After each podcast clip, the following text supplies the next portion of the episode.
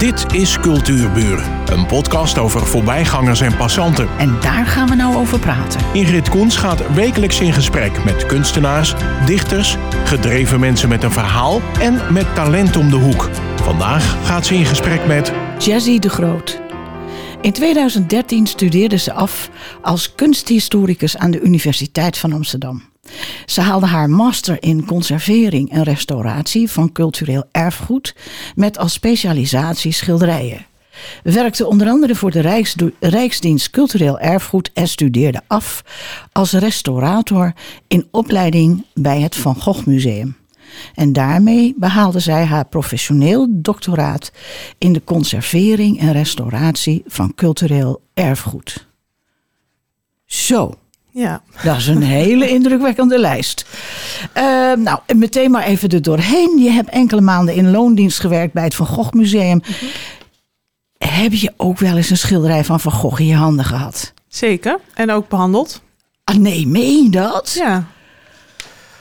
Ja, ehm, Waren die dan al beschadigd? ja, het Van Gogh Museum heeft natuurlijk meer in de collectie dan alleen werken van Van Gogh. Het heeft ook heel veel tijdgenoten in de collectie zitten, die ook op zaal hangen. En voor mijn afstuderen was het het idee dat eh, je dan één schilderij restaureert daar. Dat was een schilderij van Raffaelli. Een portret van eh, drie officieren op een bankje die met elkaar in gesprek zijn. Een heel charmant schilderij. Ehm, maar je werkt nooit aan één schilderij tegelijk. En op een gegeven moment kwam er een Van Gogh ehm, eh, terug van een ehm, andere tentoonstelling. En iedere keer als die schilderijen bewegen, controleren wij ze op conditie. Want ze gaan in een vliegtuig en op reis. En hier waren er een paar dingetjes. Het was heel klein, dus dat, eh, soms raakt verf dan door trilling een beetje los. Dat is niet meteen een enorme ramp, maar je moet het wel aan de gaten houden. Dus dat heb ik toen weer vastgezet. Dat soort kleine dingen ehm, heb ik onder andere aan werk van Van Gogh gedaan. Maakt dat dan nog extra indruk? Ehm, ja en nee. Want aan de ene kant wel, omdat dat, en dat is heel goed, want daardoor heb je altijd een bepaald respect voor het object. En aan de andere kant maakt het niet zoveel uit, want het is allemaal verf. Dus van een afstand is het een Van Gogh. En als je er dan mee bezig gaat, er zijn natuurlijk heel veel overwegingen in je achterhoofd die belangrijk zijn. Dus de tijd waar het uitkomt en het resultaat wat je wil behalen hangt heel erg af van wat voor object het is. Uh, maar uiteindelijk is het allemaal verf. Dus van dichtbij, van dichtbij is het altijd heel vertrouwd. Oh, geweldig. ja. Die euforie over Ja. Van Gogh haal je gewoon in één klap naar beneden. Het is verf. Oké, ehm, maar hoezo je zwak voor de 16e en de 17e eeuwse schilderijen? We hebben het nu over de tijd van Rembrandt. Ja. Eh, David de Koning, die, die komt sowieso in jouw oeuvre voor. Ja. En de man met de cavia's, maar daar gaan we zo nog even over praten. Maar waarom dan die, ehm, die Gouden Eeuw? Ehm, omdat tijdens mijn studie kunstgeschiedenis was dat al waar ik mij in specialiseerde. Dus dan kies je allerlei vakken en ik ging altijd richting die 17e eeuw. En dat is een heel groot deel gewoon persoonlijke smaak. Ik ben er gewoon dol op. Ik vind prachtige werken. Eh, dus zie dat nog maar te toppen in Nederland. Eh, Ja. nog maar Rembrandt of Frans Hals. Dus kijk, zoals Van Gogh is natuurlijk ook heel mooi. Maar ik vind Rembrandt of Frans Hals vind ik veel leuker. En de hele context rond die 17e eeuw sprak me al aan. En het mooiste aan die werken behandelen vind ik vooral dat er vaak zoveel aan te doen is. Zeker, ik werk natuurlijk in een particuliere sector, ook voor handelaren en van veilingen. En er komen er ook heel veel schilderijen voorbij waar we geen idee van hebben wat het nog is. Of het überhaupt 17e eeuws is, of misschien een latere kopie. En ja, dat, spa, dat, dat Kun je dat, graafwerk. kun je dat uitvogelen? Ja, Kun jij dat vinden? ja, soms eh, zie je het meteen heel duidelijk. Omdat de manier van ehm, opspannen van een doek of een bepaald paneel gewoon niet 17e eeuws is, zoals het toen gedaan werd. Dan is het in één klap heel duidelijk. Als je het schilderij omdraait, dan denk je... oh nee, dit is niet, dit is niet 17e eeuws, maar later. Ehm, maar soms ook niet. Soms twijfel je heel erg. En dan, ja, omdat de verflaag helemaal is overschilderd bijvoorbeeld door een later iemand. Door een restaurator uit het verleden of iemand die gewoon wat voor reden dan ook vond dat het er anders uit moet zien. En dan kun je de verflaag niet zien. Dan weet je het soms gewoon niet. Maar wat doe je dan? dat zeggen tegen de eigenaar, dat ik het niet weet. En ehm, de, vaak is restauratie een heel goed moment om ook onderzoek te gaan doen. Ehm, omdat je dan natuurlijk zo intensief met het object bezig bent en heel goed kan gaan speuren naar allerlei ehm, sporen. Ja. Je hoeft daar niet eens altijd allerlei analyse technieken op los te laten. Soms wel, soms helpt dat wel. Maar gewoon door goed te kijken kun je soms al een hoop zien. Wat, wat bedoel jij met analysetechnieken? Nou, je, hebt, je ziet bijvoorbeeld uh, op tv, zie je nu bijvoorbeeld met het, uh, uh, het Rembrandt Research Project van het Rijksmuseum. Daar zijn ze natuurlijk nu ontzettend aan het laten zien wat allemaal kan. Allerlei scantechnieken, röntgenfoto's en infraroodopnames. Dat kan allemaal. Um, maar dat doe je eigenlijk pas als je echt een heel gerichte vraag hebt. En soms, het begint gewoon bij echt kijken. Goed kijken. En soms zie je het dan al, weet je het antwoord al. Um, uh, als jij zelf. Oh, nou, ik ga eventjes dan door met een paar andere vragen. Mm -hmm. um, jij retoucheert. Mm -hmm. Um, we zijn nou toch met die, met die verf bezig. En dan zeg je net van de verf gaat los. En jij kan begint dan met de verf weer vast te plakken. Mm -hmm. En dan gebruik je uh, lijm. En daar was, was ik helemaal kapot van. Die je zelf maakt van de blaas van een steur. Ja. Hoe kom je aan een steur en hoe kom je aan dat idee? Nou, dat idee dat heb ik niet zelf bedacht. Dat is iets wat wel meer restauratoren doen. Dat heet uh, ja, het steurlijm, noemen we het. En dat is uh, redelijk um, gebruikelijk in conservering en restauratie. Maar je maakt het zelf. Maar ik maak het zelf, omdat um, je kan het ook wel kopen, vislijm. Zo kan je het ook noemen. Hm? Maar er zitten allerlei allerlei toevoegingen in, zodat het niet gaat schimmelen. En, uh, dat ruikt ook altijd een beetje naar van die klei die je vroeger als kind had. Dat is ook een beetje zo'n benzielgeurtje. En dat stopt ze ook in die lijm. En, maar ik wil niet dat dat ook in het schilderij zit. Want ik weet niet, als je niet weet wat je precies aanbrengt, weet je ook niet wat het over 100 jaar kan gaan doen. Je wil niet dat dat helemaal verkleurt. Dus als je door het zelf te maken, je kan het gewoon kopen, gedroogde blazen, steurblazen. En dan doe je dat in water en haal je de proteïne eruit en dat kan je dan weer laten drogen. En dan heb je dus ja, um, hele dunne filmpjes droge lijm. En die kun je dan weer in water doen zodra je het nodig hebt. In de concentraties die je wilt. Dus soms heb je een dikkere lijm nodig, dan weer een dunnere. En um, daardoor heb je heel veel controle op wat je aan het doen bent. Dus dat een potje haalt. Je weet wel ongeveer wat je aan het doen bent, maar nooit helemaal.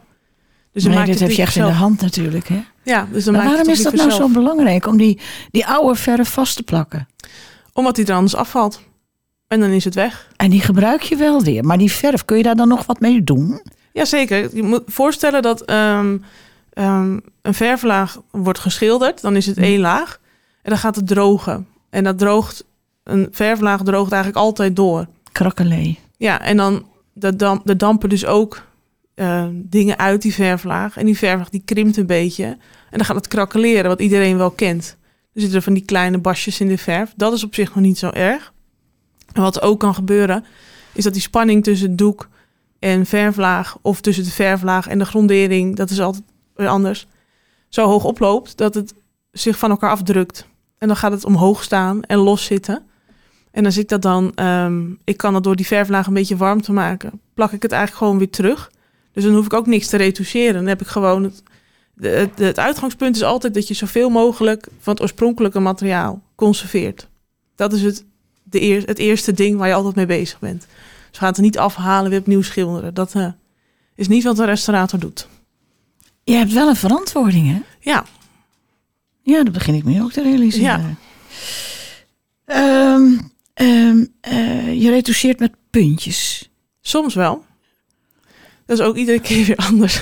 het is altijd iedere keer anders. Maar het is wel veiliger om mee te beginnen. Hè? Ik heb nog wel eens een oude foto geretoucheerd. Ja. Maar, oeh.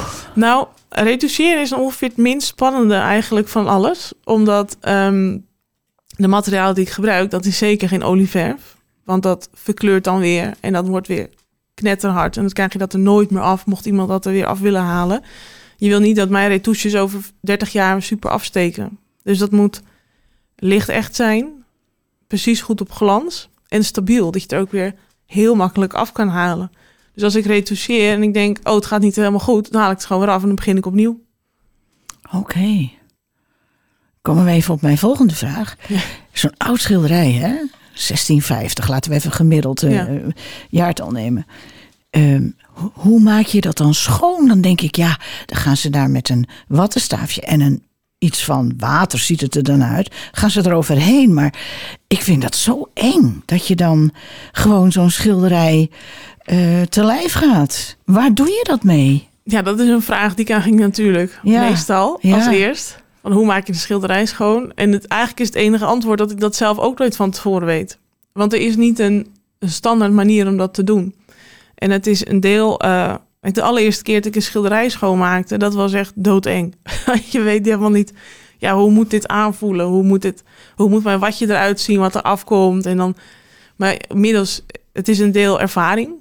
Dat je gewoon ziet wat je doet, dat je begrijpt wat je doet. Dat is wat moeilijker uit te leggen, maar je begint altijd heel klein. En ehm, stel je hebt een schilderij met allerlei verschillende kleuren, dan test je meestal ook heel klein op die verschillende kleuren. Want elk pigment kan anders reageren op jouw middel waar je mee schoonmaakt eh, dan het ander. Je wil niet halverwege zijn en ontdekken dat je, dat je portret van een vrouw in een rode jas, dat je dan die rode jas niet schoon kan maken. Halverwege dat je erachter komt. Dus je moet wel, je begint gewoon heel klein. Je doet nooit iets op goed geluk. Het is niet zo dat je het schilderij in een bad legt en dan naar huis gaat en de volgende dag terugkomt en denkt, oh, het is mislukt. dus het is aan de ene kant is het, het is niet eng, want dan zou je natuurlijk nooit wat kunnen doen. Nou ja, Maar je bent wel altijd- ook, hè? Ja, maar je bent wel altijd alert. Je Ja. bent altijd alert. Toch wel. Ja, toch dat je meteen denkt van, ik vertrouw het niet helemaal of ik weet niet, of als ik het gevoel heb dat ik niet meer goed weet wat ik nou aan het doen ben, dat je de controle een beetje kwijtraakt en dan stop je meteen. En dan, eh, bijvoorbeeld de microscoop heb ik in het atelier staan en dan kijk ik met de microscoop wat, ehm, ja, wat ben ik nou, wat, welke lagen zit ik nou naar te kijken? Dat is natuurlijk wel heel mooi als je dat zo kunt eh, pellen als een ui. Ja, Ja. Ik vind het heel spannend. Ehm, maar je zegt van ik kan er geen andere verf op smeren. Ja, natuurlijk, dat snap ik. Maar welke verf gebruik je dan wel? Hoe, hoe gebruik je überhaupt verf? Ja, verf is natuurlijk eigenlijk niks meer dan pigment en een bindmiddel. Dus alles wat dat is, is eigenlijk verf. En een bindmiddel kan olie zijn, maar het kan bijvoorbeeld ook met tempera, het kan eigeel zijn. Het kan, eh, maar wat ik gebruik is een, ehm, ja, het is eigenlijk een heel saai. Het is een synthetische hars. En die ehm, los ik op in organische oplosmiddelen, dus eigenlijk verschillende soorten alcohol gebruik ik daarvoor. En dan heb ik een potje van dat bindmiddel en allerlei potjes met droge pigmenten zodat ik de verf zelf kan maken. Zodat ik de glans precies goed kan doen. En ook precies weet welke pigmenten erin zitten. Zodat ik dat kleurmengen heel erg goed kan controleren. Want als je gewoon een type verf hebt, zitten daar bijna altijd meerdere pigmenten al in. En als je dan gaat mengen, wordt het bruin. Of dan denk je, waarom lukt dit nou niet? Nou, omdat er iets in zit waarvan je niet wist wat het was. En dat is natuurlijk super irritant. Dus je maakt het liever zelf. Dus ik, het is wel verf. Maar het, het is ehm, geen olieverf. En ook geen tempera. Het is ja, een pigment met een synthetische hars. Dat is het eigenlijk. En dat kun je in feite ook meteen weer verwijderen als het fout gaat. Ja, ja. Ja, ja. dus soms heb je wel eens ehm, schilderijen die heel gevoelig zijn voor juist die oplosmiddelen waar je mee retoucheert.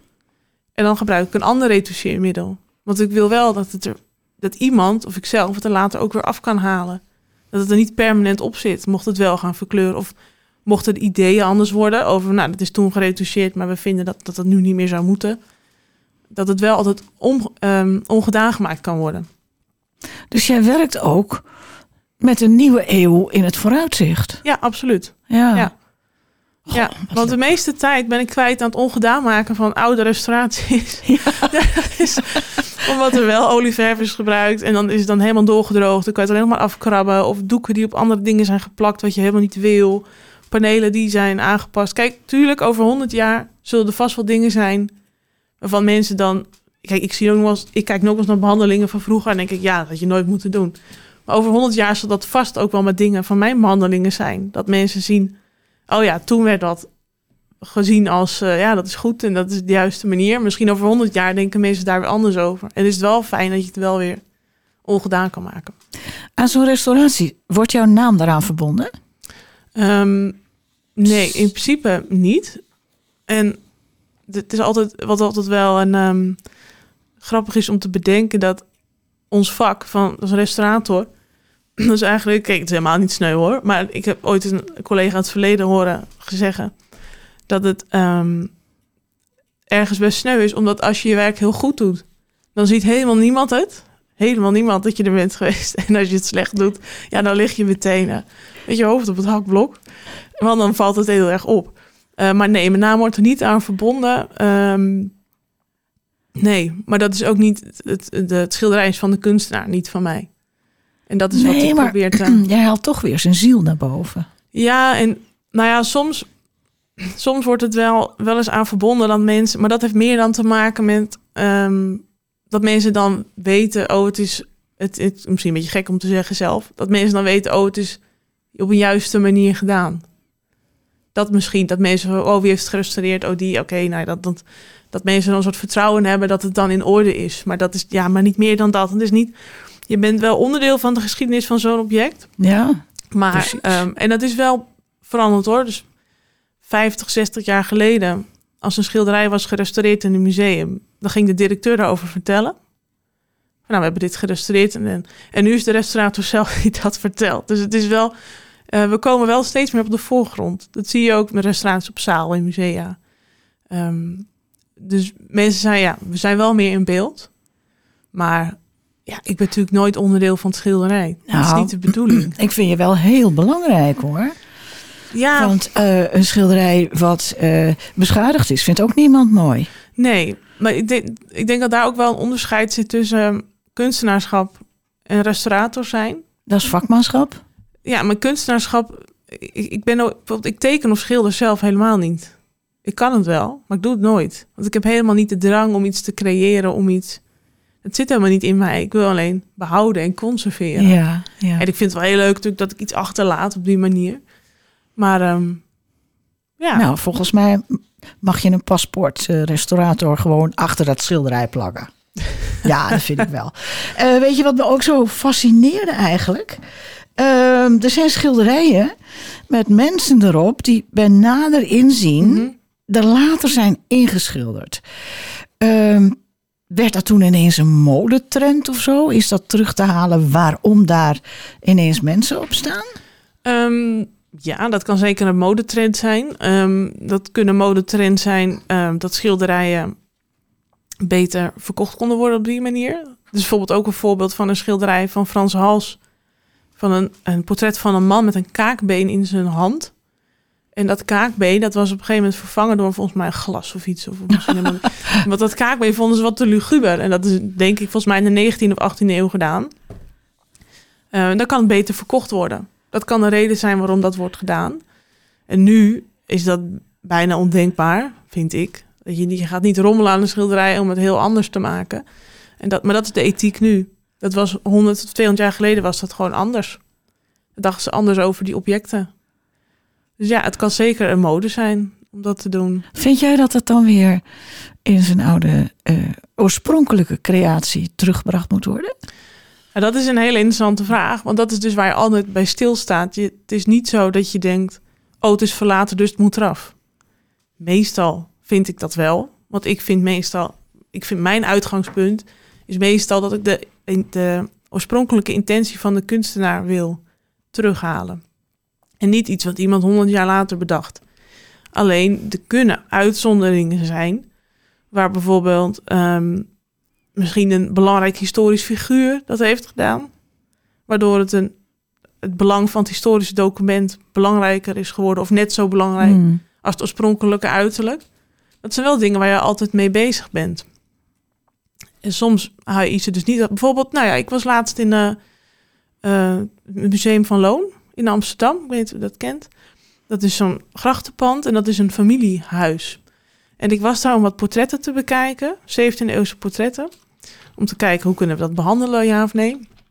En um, dat zijn 17e-eeuwse werken.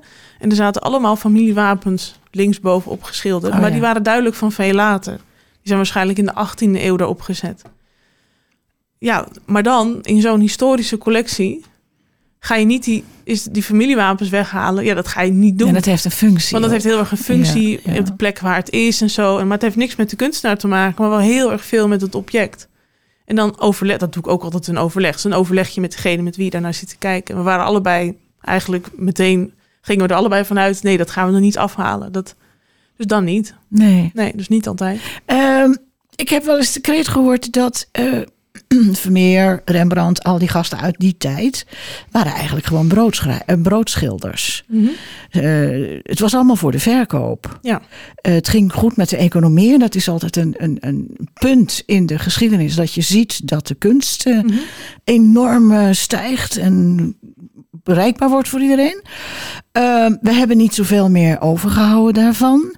Maar ehm, wat vind jij van, die, eh, van de, belangrijkheid die aan een schilderij wordt gegeven?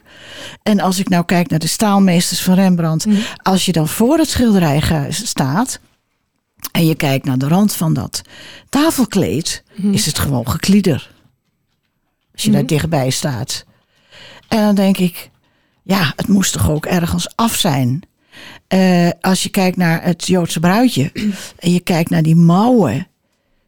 Nou, dat, dat is dan zijn kracht. Drie stappen terug. En je ziet, in, het valt ineens allemaal op zijn plek. Maar zoals, dat soort dingen lijken me toch heel moeilijk te restaureren. Ehm, nou, het hangt er vanaf. Dat voorbeeld van de staalmeesters is wel, is wel grappig, want dat kleed, Ja. ik weet precies wat je bedoelt, Ja. dat, ehm, daar zit een pigment in wat heel erg is verkleurd. Waardoor het uiterlijk behoorlijk is veranderd van dat kleed. Oh, meen je dat? Ja, dat is smalt, dat is een blauw glas. En dat kan eh, een beetje grauw gaan worden. Dat zie je ook wel meer in Rembrandt's schilderijen. En volgens mij is dat nu het idee dat dat daardoor komt. Dus pim er niet helemaal op vast. Ehm, dat kun je inderdaad eigenlijk niet restaureren. Want je kan die verkleuring niet ongedaan maken. Oh. Maar je gaat het ook niet helemaal overschilderen. Want je weet ook niet wat de oorspronkelijke kleur eigenlijk was. Daar kom je ook niet achter. Er zijn geen kleurenfoto's van. En als je hele oude kleurenfoto's hebt, zijn die vaak zelf ook verkleurd.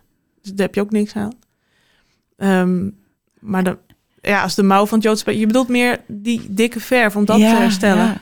Ja, dat kan wel, maar dan moet je dus een opvulling maken in de structuur helemaal van die verf. En dat dan retoucheren. Dat zou kunnen. Stel, stel dat is wat je moet doen, dat het een stuk eruit is. Dan moet je het een stukje reconstrueren.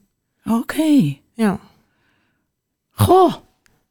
Ehm, ik ga eventjes ehm, eh, iets belangrijks vertellen waar ik jou dus ook op eh, heb gezien. Ik heb jouw uitzending van Binnenste Buiten wel drie keer gekeken.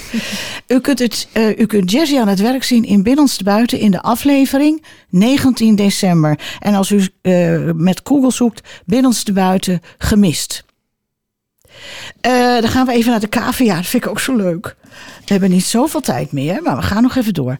Ehm, de cavia die je voor het eerst op een 17e eeuw schilderij tegenkwam. ja. En toen ging je zoeken. eh, en toen kwam je tegen dat, ehm, dat hij meer cavia's had geschilderd. En ja, je kwam het voor het eerst tegen. Waarom een cavia? Heb je enig idee? Of zou dat inderdaad ook weer de mensen vonden dat mooi? Of had hij er zelf een? Wat denk je? Ik Doe denk, een gok. Ik denk eerder het eerste. Dat de mensen dat ehm, blijkbaar konden waarderen. Want wat je net zei over die eh, broodschilders, die term. Dat is best wel, dat is niet helemaal onterecht. We kijken best met een 19e eeuwse romantische bril naar de 17e eeuwse kunst. Maar dat was inderdaad ook, het waren commerciële producten. En als je als stillevenschilder je schilderijen met cavia's goed verkopen... Ja, waarom zou je er dan niet nog tien maken? Ja, het leuke is dus, de eerste keer dat ik hem zag... Had, ik had inderdaad nog nooit een cavia op. Ik, voor mij is ook heel veel dingen elke keer weer nieuw. Want er is zoveel. Je kan nooit alles een keer gezien hebben. En toen ging ik dus die schilder opzoeken... omdat je toch een beetje een indruk wil hebben... hoe zien die werken eruit? Want ik ging een schilderij van hem restaureren. Dus dan wil je wel een beetje weten... oké, hoe moet het er dan waarschijnlijk uit gaan zien? En toen zag ik ineens heel veel, veel vaker die cavia terugkomen. Maar ook dezelfde. Dus Oké. hij heeft waarschijnlijk toen... Ik denk niet dat hij een cavia gehad heeft. Want dat lijkt... Ja, ik, zou niet, ik, wist niet, ik weet niet eens of ze toen als huisdier werden gehouden. Maar ehm schilders hadden wel een soort beeldbank in hun atelier. Ja, ja en ze Dus kopieerden elkaar ook vrolijk. Ja, hè? Dat was helemaal geen probleem. Precies, ze hadden prenten of tekening. Of hij had er misschien wel een keer eentje gezien en die getekend. Ehm, ja, en dan gebruik je gewoon iedere keer hetzelfde beestje. Dat is vooral heel handig en efficiënt. Het is ook wel, het is ook wel lief, hè? Ja, Het is ja heel nee, lief. hij is hartstikke lief. Ja, Oh, Jess, ik heb genoten en het was weer veel te kort en het is afgelopen. En ik bedank je hartelijk dat je naar de studio bent gekomen. En ik wens je heel veel succes. dankjewel. Dit was Cultuurbuur, een podcast van Ingrid Koens en Streekstad Centraal. Bedankt voor de aandacht en tot de volgende Cultuurbuur.